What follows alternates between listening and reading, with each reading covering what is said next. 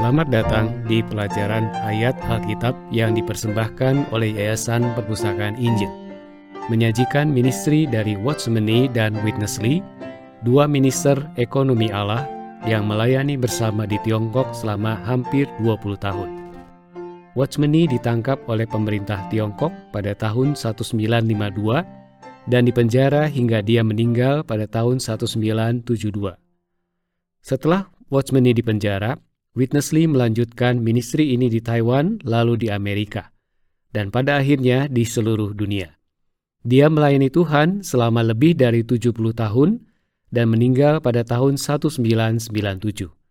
Kontribusi utamanya yang dia kerjakan selama 21 tahun adalah pelajaran hayat yang merupakan penafsiran dari seluruh Alkitab. Program ini didasarkan pada berita-berita pelajaran hayat.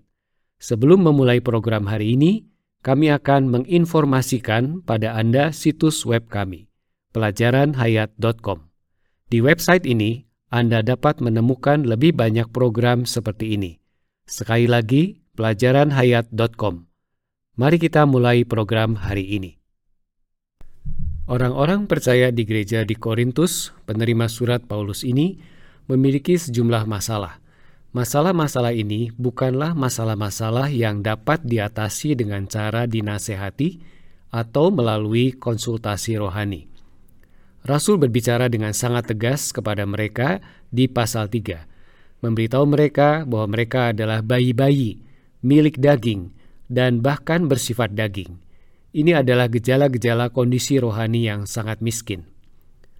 Tetapi setelah mengucapkan kata-kata yang menyadarkan mereka, ia melanjutkannya dengan menunjukkan kepada mereka jalan keluar dari kemiskinan rohani ini, bukan dengan mengajar mereka, tetapi dengan memberikan mereka banyak kiasan yang luar biasa. Kiasan-kiasan itu memberitahu mereka kekurangan mereka yang sebenarnya, yaitu makan dan minum Kristus, dan mengingatkan mereka untuk menjadi penanam, pemberi makan, dan penyiram di dalam tubuh Kristus. 1 Korintus 3 ayat 2 berkata, Susulah yang kuberikan kepadamu bukanlah makanan keras, sebab kamu belum dapat menerimanya. Ayat 6 berkata, Aku menanam, Apolos menyiram, tetapi Allah yang memberi pertumbuhan. Saudara Silitonga telah bergabung bersama kita. Saudara, saya pikir ini adalah perkataan yang tepat bagi kita semua, bukan? Kita ini selalu kurang banyak makan, minum, dan menikmati Kristus, bukan? Ya, apa yang Paulus katakan dalam berita ini sebenarnya sangat berkaitan dengan hayat, bukan dengan pengajaran. Saya rasa apa yang Paulus lakukan di sini kepada eh, orang-orang uh, Korintus bukanlah untuk mendidik mereka dengan lebih banyak doktrin, tetapi benar-benar untuk meministrikan atau melayankan hayat kepada mereka supaya mereka dapat bertumbuh dan menjadi dewasa secara rohani. Ya, kita telah melihat hal ini beberapa kali di dalam pelajaran hayat 1 Korintus ini. Paulus berurusan dengan sekelompok orang percaya yang sangat luar biasa dalam hal filsafat. Mereka memiliki pendidikan tinggi dalam filsafat Yunani, dan mereka telah membawa sebagian filsafat itu masuk ke dalam gereja. Dan hal ini pastilah mempengaruhi gereja yang memiliki filsafat-filsafat tersebut. Gereja itu berkembang dengan sejumlah masalah. Jadi Paulus tidak menghampiri mereka dengan bahasa filsafat, melainkan dia datang kepada mereka dengan simbol-simbol yang sangat sederhana, kiasan-kiasan yang membawa mereka menjauh dari filsafat yang mereka banggakan, dan benar-benar kembali kepada sesuatu yang sangat simpel, yaitu makan, minum, menghirup, dan menikmati Kristus dengan cara yang hidup. Ini akan menjadi solusi untuk masalah-masalah mereka. Sudah Aldo, yang baru saja Anda katakan itu sungguh menarik. Ini membuat kita dapat melihat bahwa kita ini termasuk jenis orang yang perlu diberi makan supaya kita dapat dibawa keluar dari situasi yang dangkal milik daging atau yang bersifat uh, tubuh daging ini kita perlu memeriksa kembali apa yang sebenarnya selama ini kita terima. Apakah kita menerima hayat atau apakah kita hanya menerima uh, lebih banyak pengetahuan atau lebih banyak filsafat atau uh, perubahan kebudayaan. Ya, Saudara Silitonga, beberapa ayat yang kita baca hari ini telah kita baca beberapa kali dalam program-program sebelumnya. Saya ingin menambahkan satu ayat yang akan dirujuk oleh Saudara Witness Lee dalam sesi berikut. Ayat 13 dari pasal 12 mengatakan, Sebab dalam satu roh kita semua baik orang Yahudi maupun orang Yunani, baik budak maupun orang merdeka, telah dibaptis menjadi satu tubuh dan kita semua diberi minum dari satu roh. Jadi sekali lagi, kiasan tentang makan, minum, dan pemberian makan ini sangat konsisten digunakan Paulus saat berbicara dengan orang-orang percaya di Korintus, bukan? Iya, dan hal-hal itu sangat berhubungan dengan hayat. Semua yang ia katakan, semua istilah yang dia gunakan itu berkaitan dengan hayat, bukan sekedar pengetahuan atau kebudayaan. Baiklah, mari bergabung bersama Saudara Witness Lee. Kita akan kembali bersekutu setelah ini. Beban saya dalam berita ini ialah membahas beberapa ungkapan yang sangat penting yang digunakan Paulus dalam pasal ini. Dalam ayat 2, Paulus berkata, Susulah yang kuberikan kepadamu, bukan makanan keras.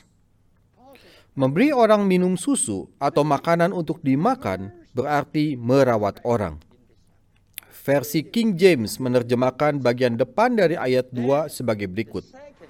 Aku telah menjamu kamu dengan susu. Merawat berbeda dengan mengajar. Merawat adalah perkara hayat. Mengajar adalah perkara pengetahuan.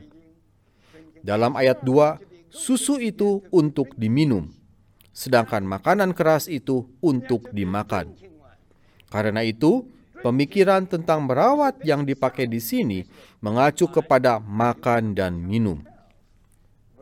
Sebelum Anda memasuki kehidupan gereja, mungkin Anda telah menjadi orang Kristen selama bertahun-tahun. Namun Anda belum pernah mendengar berita tentang minum. Bila kita ingin menjadi orang Kristen yang wajar, kita harus menjadi orang Kristen yang minum. Minum adalah pemikiran dasar dalam satu Korintus. Dalam pasal 12 ayat 13, Paulus berkata bahwa kita semua telah diberi minum dari satu roh. Konsepsi mengenai minum bukan ditemukan oleh Paulus. Tuhan Yesus berbicara mengenai minum. Pada hari terakhir, pada hari raya Pondok Daud, Tuhan Yesus berdiri dan berseru, "Siapa saja yang haus, baiklah ia datang kepadaku dan minum. Jadi, Kristus berbicara mengenai minum, dan Paulus pun berbicara mengenai minum. Perkataan Paulus tentang makanan keras dalam ayat 2 sesungguhnya menyiratkan tentang makan. Maka, bersama merawat dan minum, Paulus menekankan pentingnya makan. Dalam ayat 6, 7, dan 8, Paulus berbicara tentang menanam. Khususnya ia berkata tentang dirinya sendiri, aku menanam. Paulus bukan hanya orang yang merawat, tetapi juga seorang penanam. Kita diberitahu bahwa Paulus merawat orang kudus, memberi mereka sesuatu untuk dimakan dan diminum, dan ia juga menanam. Dalam ayat ini tidak dikatakan bahwa Paulus adalah seorang guru mengiringi penanaman, kita memiliki penyiraman dan pertumbuhan. Ayat 6 dan 7 mengatakan, Aku menanam, Apolos menyiram, tetapi Allah yang menumbuhkan. Karena itu yang penting bukanlah yang menanam atau yang menyiram, melainkan Allah yang menumbuhkan. Jadi, dalam ketujuh ayat yang pertama dari pasal ini, kita memiliki enam perkara yang indah merawat, minum, makan, menanam, menyiram, dan bertumbuh. Alangkah indahnya pasal ini. Saudara Silitonga, gereja di Korintus dikenal karena kesulitan-kesulitan dan masalah-masalah yang telah Paulus paparkan di pasal pertama. Mereka duniawi, mereka adalah bayi-bayi di dalam Kristus, pada mereka ada perpecahan, pada mereka ada pertengkaran, pada mereka ada kecemburuan, pada mereka ada imoralitas, Pada mereka ada banyak sekali perselisihan. Pada mereka ada perselisihan antara sesama orang percaya mengenai urusan bisnis.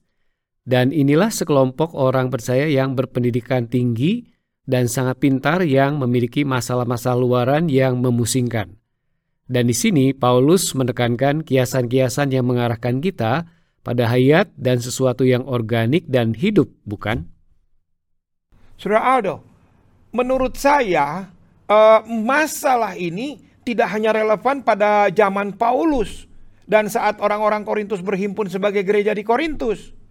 Kalau kita mendengar apa yang terjadi di dalam kekristenan hari ini, ada banyak hal yang dibawa masuk ke dalam gereja sehingga membuat kita bertanya-tanya, di mana sebenarnya kita berada? Apakah kita berada di dalam pengetahuan dan kebudayaan dan pengajaran atau kita berada di jalan hayat? Dan saya rasa inilah alasan kenapa Paulus berbicara kepada gereja ini. Karena solusi dari masalah mereka bukanlah dengan konseling, tetapi dengan membagikan Kristus kepada mereka di dalam jalan hayat. Semua istilah yang dia sebutkan di bagian ini hanya mengarahkan kita kepada hayat agar kita makan, agar kita minum, agar kita menanam, agar kita menyiram dan agar kita melihat pertumbuhan. Ini semua berkaitan dengan hayat, bukan membuat kita menjadi lebih berbudaya atau menjadi lebih uh, beretika dalam melakukan segala sesuatu. Tentu saja, kitab ini melanjutkan apa yang diwahyukan di sini. Dari tanaman yang hidup, lalu ada pekerjaan transformasi atau pengubahan, kemudian menghasilkan bangunan. Dan bangunan itu bertumbuh dan berkembang hingga pada akhirnya menjadi bait tempat kediaman Allah. Tetapi sebelum kita sampai pada perampungan yang luar biasa ini, kita semua harus kembali ke tempat di mana Paulus membawa orang-orang percaya di Korintus kembali ke perkara makan. Mari kita membahas perkara makan ini sebentar dan apa yang tersirat dalam perkara ini. Ketika Paulus berkata, "Susulah yang kuberikan kepadamu," ini menunjukkan bahwa Paulus adalah orang yang sedang memberi makan, bukan orang yang sedang mengajar. Dia adalah seorang hamba atau seorang pelayan yang menyuplaikan kebutuhan-kebutuhan orang-orang kudus ini bagi pertumbuhan mereka. Dan perkara makan ini sudah tercakup ketika dia memberi kita makan dengan susu. Ketika kita minum susu, kita tidak hanya mendapatkan minuman, tetapi kita juga mendapatkan makanan terutama bayi-bayi. Mereka perlu diberi makanan yang jenis ini. Dan inilah kondisi di mana orang-orang kudus di Korintus ini berada. Mereka adalah bayi-bayi. Mereka hanyalah bayi-bayi dan mereka tidak menyadari bahwa keperluan mereka adalah pertumbuhan dalam hayat. Jadi, Paulus kembali kepada perkara makan dan minum ini. Tentu saja, Paulus menunjukkan bahwa keinginannya adalah memberi mereka makan dengan makanan padat yang adalah makanan yang sesungguhnya. Tetapi pada saat itu mereka belum mampu memakannya. Jadi seperti yang Anda katakan, dia memberi mereka susu seperti yang dilakukan seorang ibu kepada anak-anaknya untuk memastikan bahwa mereka mendapatkan nutrisi, sehingga anak-anaknya dapat bertumbuh dan kekuatan mereka dapat bertambah dengan harapan bahwa suatu hari mereka akan mampu makan makanan padat. Di sini Rasul Paulus menerapkan hal yang sama. Sekarang mengenai perkara minum yang tersirat dalam perkara susu yang diberikan kepada mereka untuk diminum. Alkitab mengatakan, "Susulah yang kuberikan kepadamu." Fokus kita di sesi berikut ini adalah pada kata minum. Sebenarnya bukan Paulus yang memprakarsai kiasan ini, Tuhan Yesuslah yang di dalam Yohanes pasal 7 berdiri dan berseru, Barang siapa haus, baiklah ia datang kepadaku dan minum. Dan bahkan dia juga sebelum pasal 7 telah berbicara dengan seorang perempuan yang sangat terkenal di sumur itu dan dia berbicara mengenai perkara minum kepadanya. Barang siapa minum air ini, ia akan haus lagi. Tetapi barang siapa minum air yang akan kuberikan kepadanya, ia tidak akan haus untuk selama-lamanya. Sebaliknya air yang akan kuberikan kepadanya akan menjadi mata air di dalam dirinya, yang terus-menerus memancar sampai kepada kehidupan yang kekal. Di sini ada seorang perempuan yang kasihan, yang dalam kondisi yang rendah, yang dia temui di sumur pada hari yang panas. Saudara Silitonga, dia menyuruh perempuan itu untuk minum juga, bukan? Iya, benar. Sungguh luar biasa. Tuhan Yesus memberikan dirinya sendiri sebagai minuman, membuat personanya, hayatnya begitu tersedia bagi kita. Kita hanya perlu minum Dia. Kita juga bisa menghirup Dia melalui berseru kepada nama Tuhan. Itu juga termasuk minum. Sebentar lagi saudara Witness Lee akan menjelaskan poin ini. Mari kita dengarkan dan kemudian kita akan bersekutu kembali. Gereja adalah tempat yang bukan hanya untuk pengajaran, tetapi untuk merawat. Karena itu, kita tidak boleh menganggap gereja sebagai sekolah, tetapi sebuah rumah makan. Ketika saya menyampaikan berita-berita dalam ministry, saya tidak merasa mengajar orang lain atau berkhotbah. Saya tidak bermaksud menjadi pengkhotbah atau guru. Sebaliknya, Keinginan saya ialah menjadi seorang pengurus rumah tangga, seorang pramusaji. Saya ingin melayani orang-orang kudus dan melayani mereka dengan Kristus. Saya bukanlah seorang koki, sebab koki surgawi Tuhan sendiri berada di balik layar. Saya hanyalah seorang pelayan yang menyajikan hidangan lezat satu persatu kepada orang-orang kudus. Sidang-sidang gereja haruslah seperti perjamuan yang terdiri atas beberapa hidangan. Apabila seorang teman mengundang Anda untuk makan di rumah makan, bersiaplah untuk menikmati hidangan demi hidangan. Dalam beberapa perjamuan, mungkin ada sampai 20 hidangan yang berbeda, termasuk daging, ikan, unggas, sayur mayur, dan sup. Gereja harus menjadi sebuah rumah makan tempat kita berpesta menikmati Kristus secara berkesinambungan.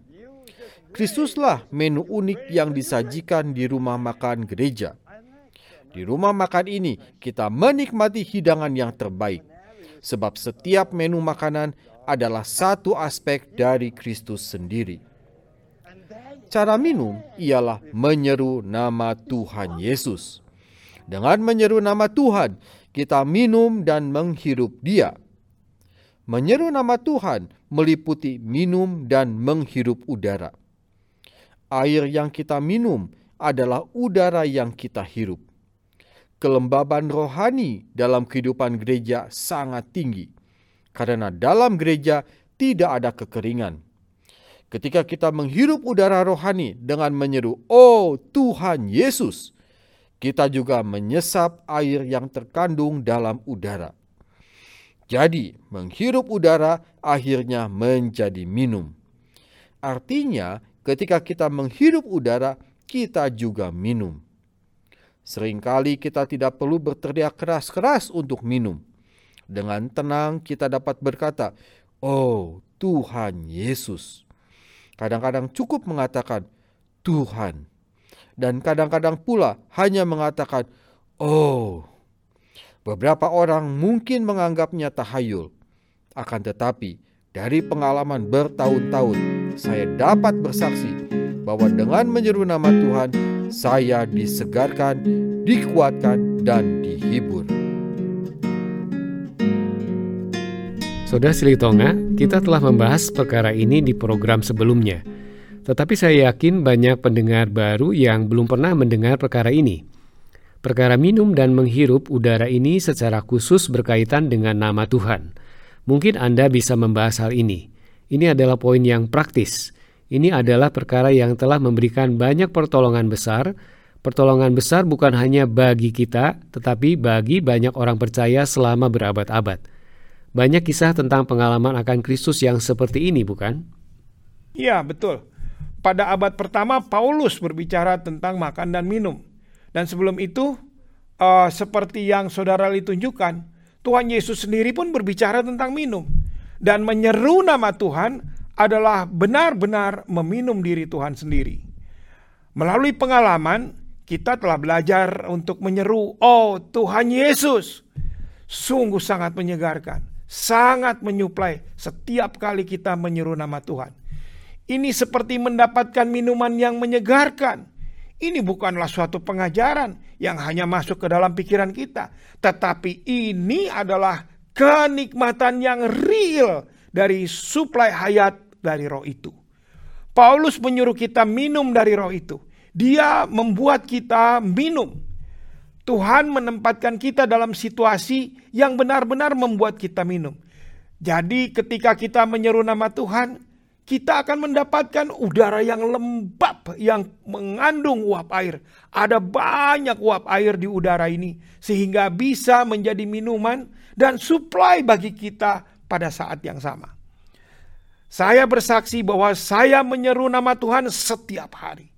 Ini menjadi pengalaman yang sangat menyegarkan hari demi hari. Bukan hanya di pagi hari ketika kita bangun tidur, kita memanggil dia untuk mendapatkan uh, kesegaran. Bukan. Tapi juga sepanjang hari kita berulang kali, berulang kali berpaling menyeru nama Tuhan Yesus. Nama ini benar-benar menyuplai.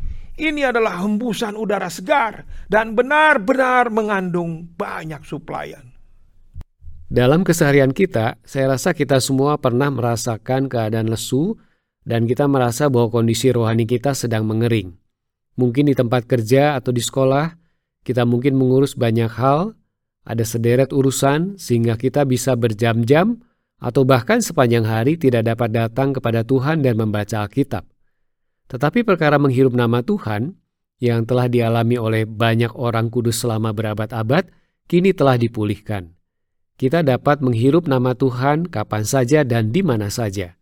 Dengan menyuruh namanya, kita akan disegarkan. Kita memiliki sebuah kidung yang luar biasa dalam buku kidung kita yang ditulis oleh A.B. Simpson, seorang saudara yang terkasih dua abad yang lalu mengenai pengalaman tentang hal ini. Ini adalah jalan untuk disegarkan, bukan? Benar sekali, Saudara Aldo. Kidung tersebut mengatakan bahwa kita menghembuskan keluar perkara-perkara negatif. Dan kita menghirup masuk suplai yang kaya dari hayat rohani. Anda baru saja berbicara mengenai apa yang Anda lakukan begitu Anda bangun tidur setiap pagi. Saya tidak tahu entah berapa kali saya telah membuktikannya sendiri, baik secara negatif maupun positif. Jika kita dapat menyuruh nama Tuhan di bibir kita saat kita bangun pagi, sebelum segala pikiran lainnya masuk ke dalam pikiran kita, Hal ini bisa merubah hari kita, bukankah begitu? Iya, hal ini menjadikan hari kita menjadi istimewa. Hal yang terbaik adalah disegarkan setiap pagi, sehingga kita bisa memperhidupkan kehidupan manusia Allah sepanjang hari. Barusan kita berbicara tentang situasi atau lingkungan kita dan bagaimana praktik seperti ini. Makan dan minum dan menghirup Kristus dapat membawa kita melewati saat-saat sulit dalam situasi dan lingkungan kita. Witness Lee akan membahas topik ini di sesi yang terakhir ini. Mari kita dengarkan. Seperti salah satu kidung mengatakan, Allah tak pernah menjanjikan sepanjang hidupmu selalu lancar. Tiada awan, cerah tiasa, tiada susah, girang belaka.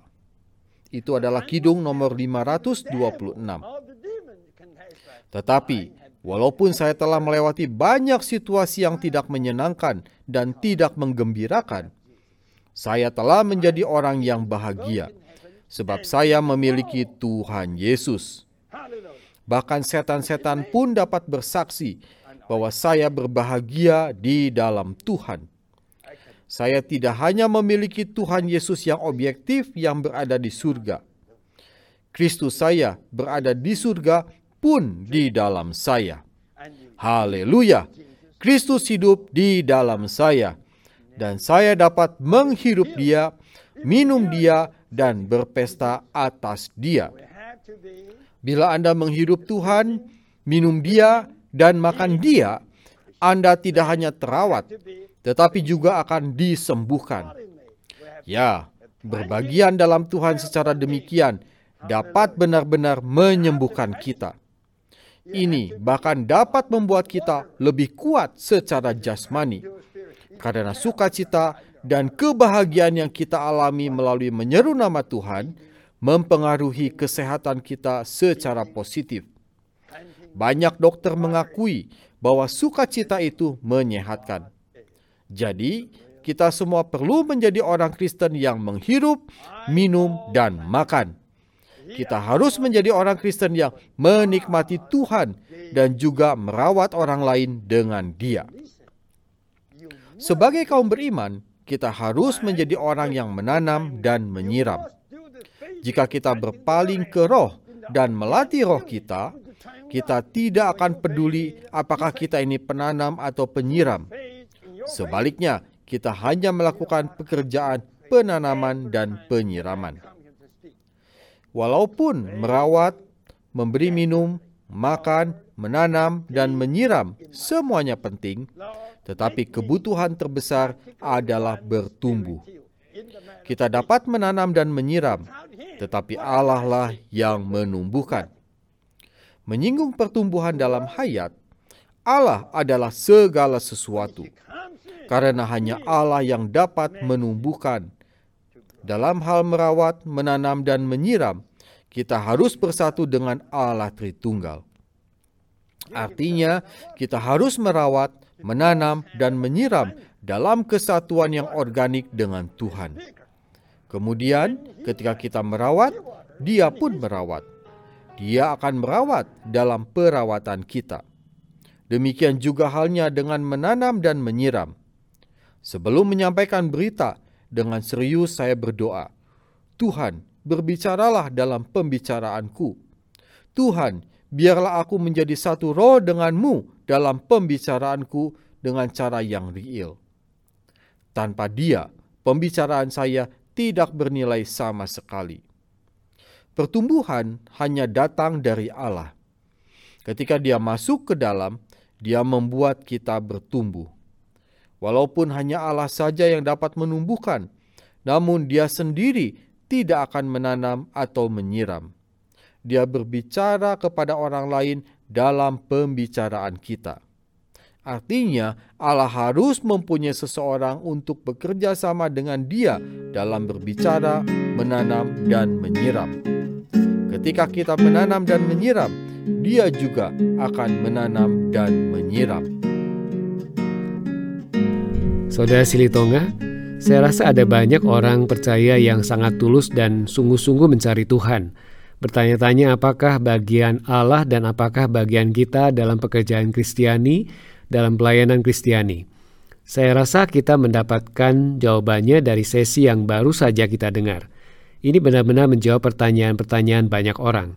Kiranya kita memiliki telinga untuk mendengarnya. Anda benar sekali, Saudara Aldo.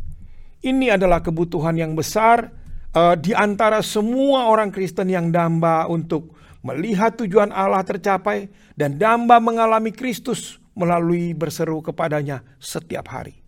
Kewajiban utama kita adalah menikmati Kristus. Dan saudara Li telah menunjukkan di sini bagaimana dia adalah orang yang begitu berbahagia.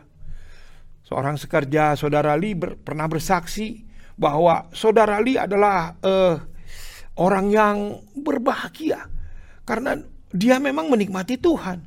Dia berkata begini, bahwa setiap kali dia mampir untuk menjemput saudara Li dari rumahnya ke tempat pertemuan atau ke tempat lain, saudara Li selalu sedang menyeru nama Tuhan.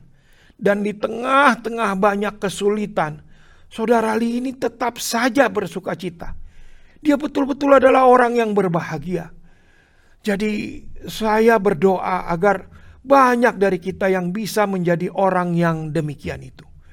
Menjadi orang yang tahu bagaimana cara menikmati Tuhan. Melalui menyeru namanya, melalui berdoa. Dengan jalan seperti itulah kita tidak akan hanya mengajar orang atau menghakimi orang atau mengkritik orang. Tetapi kita akan meministrikan hayat, melayankan hayat. Allah memerlukan orang-orang yang menanam dan orang-orang yang menyiram seperti Paulus yang menanam dan Apolos yang menyiram. Bagian Allah adalah memberikan pertumbuhan. Jadi saya ingin menjadi penyiram dan saya juga ingin disirami melalui menyeru namanya. Dan saya juga ingin menjadi orang yang bahagia sama seperti saudara Lee. Ya, saya rasa ini adalah resep yang luar biasa. Di sini Allah dengan jelas menunjukkan siapa dirinya, yaitu yang memberikan pertumbuhan seperti yang Anda katakan. Tapi Allah tidak menanam secara langsung. Dia membutuhkan mereka yang telah disiram dan diberi nutrisi dan diberi makan dan yang telah tumbuh sampai tingkat tertentu untuk menjadi penanam dan penyiram.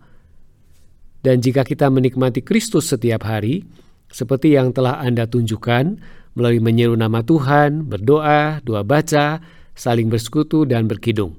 Allah akan ada jalan untuk mendapatkan orang-orang yang dapat melakukan pekerjaan penanaman dan penyiraman, sehingga Allah dapat melakukan bagiannya, yaitu memberikan pertumbuhan. Dan yang luar biasa adalah Paulus mengatakan bahwa dia bukanlah apa-apa, dan Apolos juga bukan apa-apa, tetapi Allah lah yang ditinggikan, karena Dialah yang memberikan pertumbuhan. Jadi, apa pun yang kita lakukan, kita bukanlah apa-apa. Kita menyerahkan semua kehormatan kepada Allah yang memberikan pertumbuhan. Semuanya ini adalah agar tujuan Allah dapat tergenapi. Saudara Silitonga, di akhir setiap program kita ingin memberikan undangan untuk para pendengar untuk mengontak kita dan memperkenalkan buku cetak pelajaran hayat yang menjelaskan poin-poin ini dengan lebih jelas lagi. Jadi, jika Anda ingin mencari tahu tentang buku-buku cetakan atau yang lainnya dari Yayasan Perpustakaan Injil, Anda dapat menghubungi kami di pelajaranhayat.com. Sekali lagi, pelajaranhayat.com. Waktu kita sudah habis. Terima kasih Saudara Silitonga telah berada di sini. Terima kasih banyak Saudara Aldo. Suatu kehormatan bagi saya. Saya Denny Aldo bersama Saudara Silitonga. Terima kasih telah mendengarkan.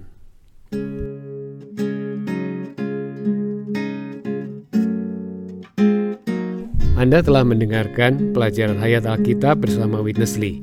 Selama 21 tahun, Witness Lee menyusun pelajaran hayat yang menyeluruh yang mewahyukan bagaimana Alkitab menyajikan Kristus datang untuk menjadi hayat bagi manusia. Program audio ini berdasarkan pada berita-berita tersebut. Tapi untuk mendapatkan kekayaan yang penuh dari pelajaran hayat, Anda dapat mengunjungi situs web kami pelajaranhayat.com. Di sana Anda dapat menikmati lebih dari 1.800 berita pelajaran hayat atau Anda dapat mendownload lebih banyak program audio seperti ini dan semuanya gratis. Sekali lagi, situs webnya adalah pelajaranhayat.com. Terima kasih telah mendengarkan hari ini.